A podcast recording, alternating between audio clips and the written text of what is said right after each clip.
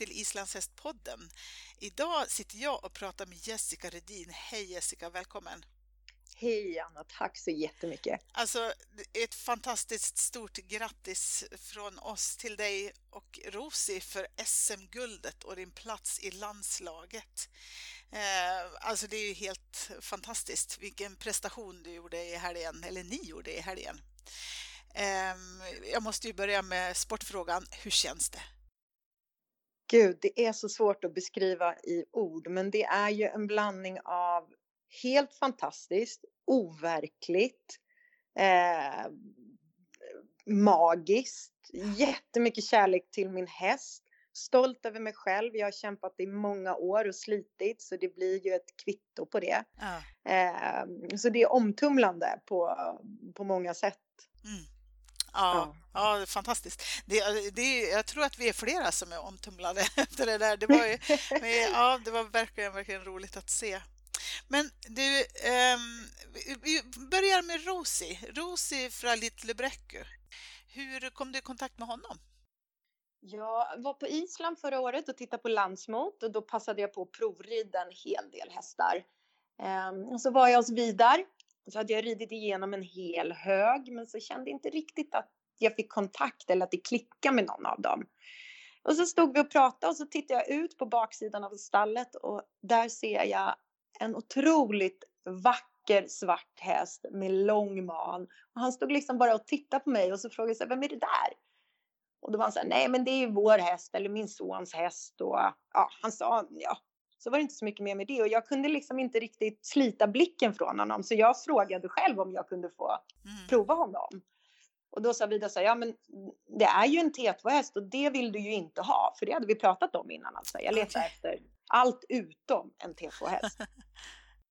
eh, men jag kunde inte riktigt släppa det här så att jag frågade igen och han sa ja, ja det kan ni få göra. Och så först visade Vidar honom och sen så provred jag honom och jag tyckte väldigt mycket om honom. Men någonstans i det här så fanns det ändå kvar i mig att jag faktiskt inte ville ha en T2-häst. Så jag filmade faktiskt inte honom. Um, och sen så fortsatte jag leta häst i alla möjliga länder. Och sen så under hösten så får jag ett litet uh, messenger-meddelande med ett videoklipp av Vidar. Mm. Och då har han filmat mig och Rosi. Och så skriver han så här. Titta på det här. Ni är så himla fina ihop. Ska du inte köpa honom? Ja, just det. Eh, och så tittar jag på klippet. Och ser liksom att det är någonting där ja. med oss två.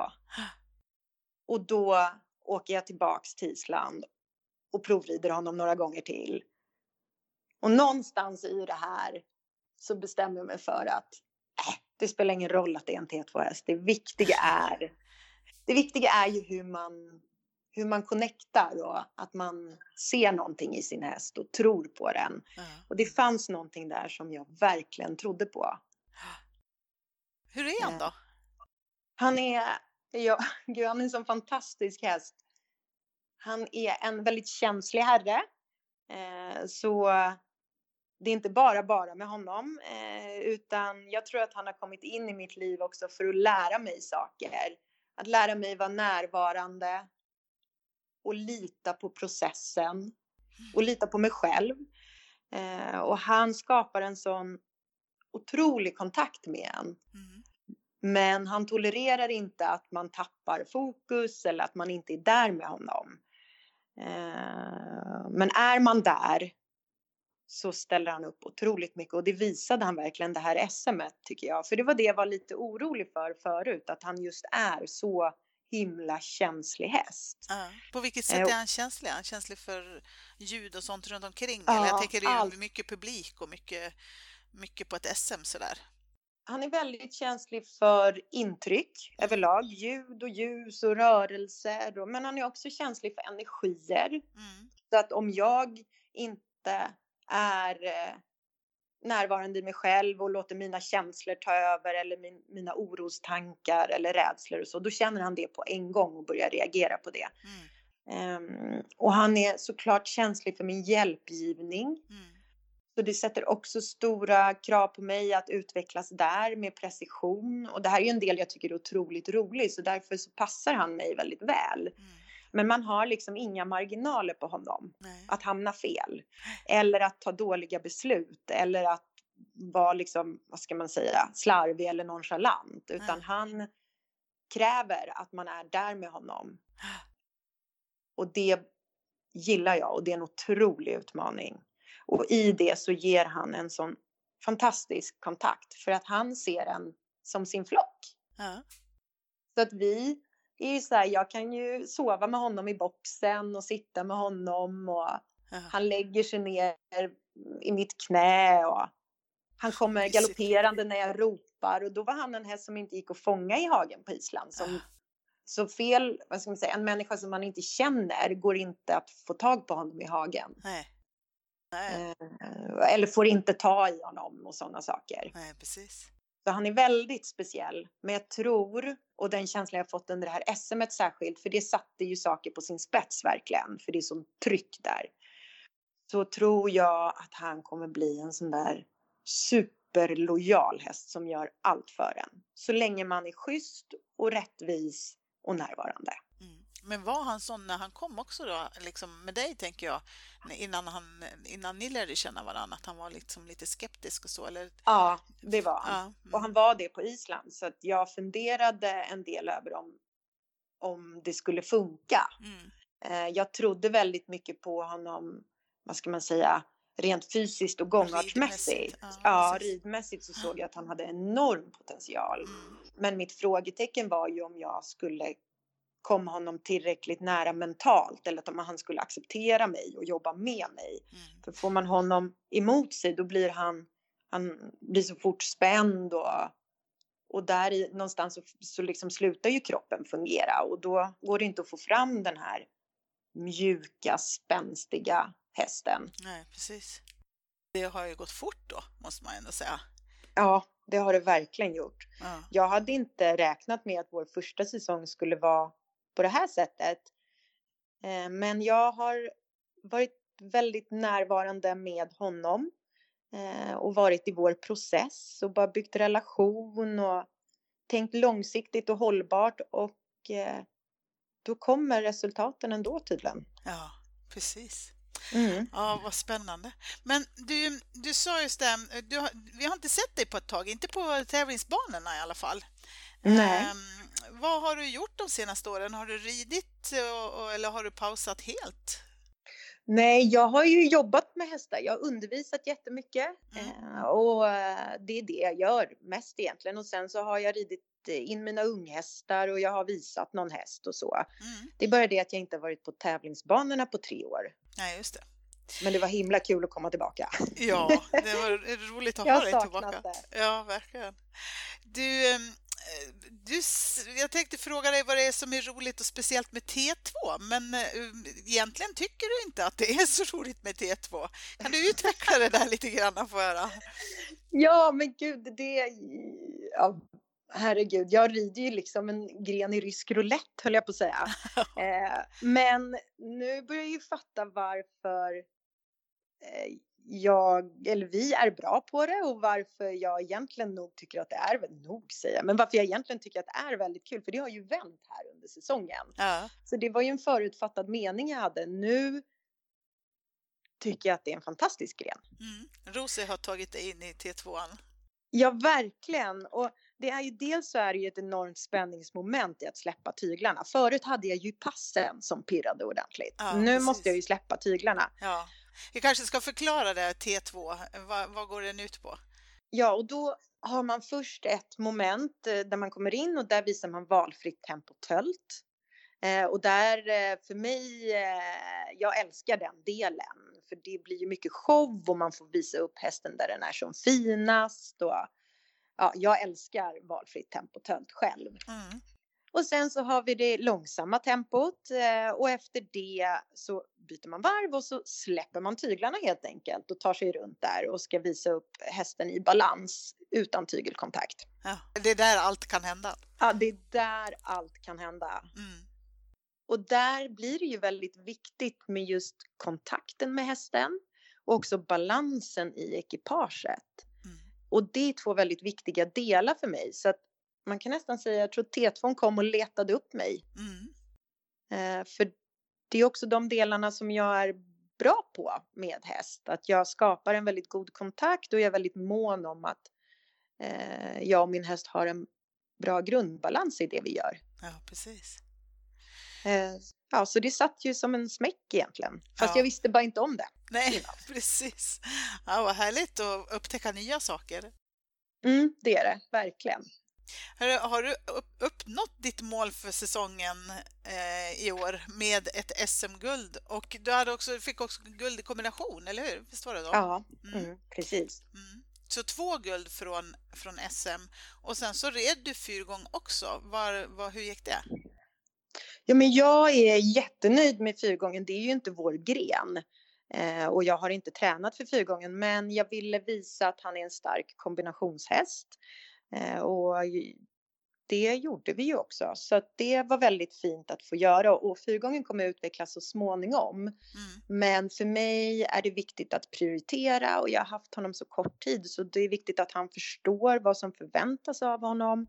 Att man inte gör för mycket på en gång och så. Då valde jag T2 för det är där han är eh, självklar tycker jag. Mm. Eh, och sen så rider vi såklart grundgångarterna för att stärka kroppen och för att nå lösgjordhet och få systemet att funka och så. Men eh, det var kul att kunna rida in utan att egentligen ha matchat upp honom till fyrgång mm. och ändå göra ett så pass bra program. Ja, för var ju, ni var ju A-final. Ja, ja, tänka sig. Ja, det trodde på jag SM. Inte. Så att jag menar, det är ju eh, väldigt bra. Ja, det är det verkligen. Det säger mycket om, om honom tycker jag och hans grundkvaliteter. Mm. Precis. Men eh, var det ditt mål då den här säsongen att liksom eh, ta ett guld på SM eller har du, har du högre mål nu? Har de ändrats efter det här eftersom du nu ska på VM också? Ja, men jag tycker det är spännande det här när vi pratar om att sätta mål och hur man jobbar med dem. Mm. Eh, för när jag sätter mål så frågar jag mig alltid vad vill jag lära mig? Vad vill jag uppleva med min häst och vad vill jag känna? Mm. Så jag jobbar inte så mycket med att till exempel jag ska ta ett SM-guld i år eller så, utan jag eh, funderar över vad som är viktigt för mig med relationen och utvecklingen och utbildningen av min häst. Eh, och för mig är det viktigaste att vara närvarande med hästen i processen och också skapa en god relation. Mm. Eh, och sen så när jag har funderat kring det här lära sig, uppleva och känna så gör jag det väldigt konkret och specifikt. Och då blir det ju egentligen det man kallar för processmål. Mm. Och en översättning av det kan ju vara att liksom man har mer fokus på själva vägen. Mm. Eh, än, än att jämföra sig med andra och, och placeringar och poäng och så. Mm. Så när jag rider in och gör mitt SM-program så har jag mycket mer fokus på vår relation, att vi, har, att vi är i god kontakt eh, och de här delarna som den här processen som vi har varit i. Mm. Att hjälperna går igenom, att jag har en precision i det och att han förstår vad jag menar. Och, och där någonstans så kommer resultaten. Mm. Jag tror ju att, att ja men, att resultat kommer automatiskt när man har fokus på att utvecklas och lära sig. Mm. Men sen så har jag såklart tagit reda på, tittat på så här, okej, okay, vad vill jag rent eh, resultatmässigt? För jag är ändå ute och jämför mig med andra och rider på banorna och får poäng. Mm. Och mitt mål om man ska översätta liksom i resultat, då var det över 8 i T2 mm. och eh, 7,20 i fyrgång. Och det blev ju det, så det är jag väldigt glad över. Och tänker också att den vägen jag jobbar med fungerar väldigt bra och det är ett bra kvitto för mig. Ja. Ehm, så nu framåt, du frågade om mina mål har ändrat sig, så har jag alltid haft som mål att han ska komma till ett VM. Och sen om det blir nu eller om två år. Eh, men då har jag formulerat det målet att eh, jag ska komma, ta mig till VM och där ska jag göra den bästa ritten någonsin. Ja. Och sen så får vi se vad det landar i för poäng och placering. Precis. Ja, vad kul. Det ska bli jättespännande. Du, en annan sak som eh, vi brukar fundera lite grann på, det är det här med varför man tävlar. ja. Varför tävlar du? Ja, men gud, det här är en svår och spännande fråga. Jag har funderat en del på det eftersom jag har varit borta några år och nu när jag kom tillbaka och så var tävlingen på Romme min första lite större. Mm. Eh, och då tänkte jag en hel del på det. Och jag tror att det någonstans är, för mig i alla fall, att allt ställs på sin spets och framför allt att man måste möta sig själv och titta på sina tankar och sina känslor och hur man fungerar. Mm. För det blir så mycket, vad ska man säga, tryck och energi när man är på tävling. Eh, och då blir det så tydligt, i alla fall för mig, här, hur jag tänker, vilka valda sanningar jag har om mig själv hur min inre röst fungerar, vad jag säger till mig själv mm. och hur man använder sin energi och sitt fokus. Och också hur närvarande man kan vara. Mm. För den delen är så viktig just med hästar, att man kan vara närvarande. Ja, precis. Um, så när jag, jag kände så här, när jag kommer ut på tävlingar, då är det som att eh, jag måste in i en, så här, gegg... en bubbla med jättetjocka geggiga väggar och först är jag som en padda som så här, klafsar runt utanpå. Och sen så börjar man jobba igenom de här lagren, alla ens tankar och känslor. Och, och så helt plötsligt så kommer man in i den här bubblan. Och det är en så häftig sfär att vara i. Man är så nära sig själv och man är nära sin häst. Och det är så... Uh, som speciell känsla. Ja. Och sen så såklart är det ju också kontakten med hästen i det och kunna få ett levande djur att, eh, ja, men att, att man levererar tillsammans med det här djuret på given tidpunkt. Mm. Mm. Ja, det finns något kittlande i det. Ja, ja. ja vad kul. Du, ehm, men jag tänker att det är ju kopplat till det då, det här du pratar om lära sig uppleva och känna. Jag mm. tänker att det här att att hålla motivationen och glädjen och suget och, och energin uppe liksom i eh, en regnig torsdag i november. Liksom. Hur, hur, tänker du runt det? För mig, eftersom det är egentligen närvaron i den dagliga processen mm. med min häst istället för poäng och placeringar och så som motiverar mig så har jag sällan problem med regnig torsdag. Nej.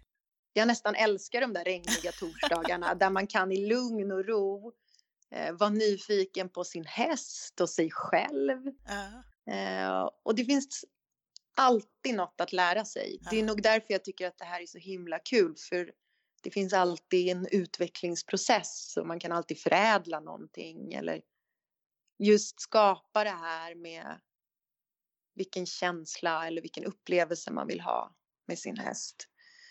Eh, så jag tror att det är också en anledning till att det har gått väldigt bra här under SM. Att jag älskar processen och jag gör jobbet och jag gör det med min häst. Ja, det känns eh. väldigt harmoniskt liksom. Det känns som att ni verkligen dansar ihop. Vad fint att höra, tack. Ja, det är jätteroligt att se, se glädjen både hos dig och hästen. Liksom. Ja, men det är det viktigaste för mig. Glädje, harmoni, balans och kontakt. Mm. Så det är mina mål. Ja, vad härligt. Egentligen.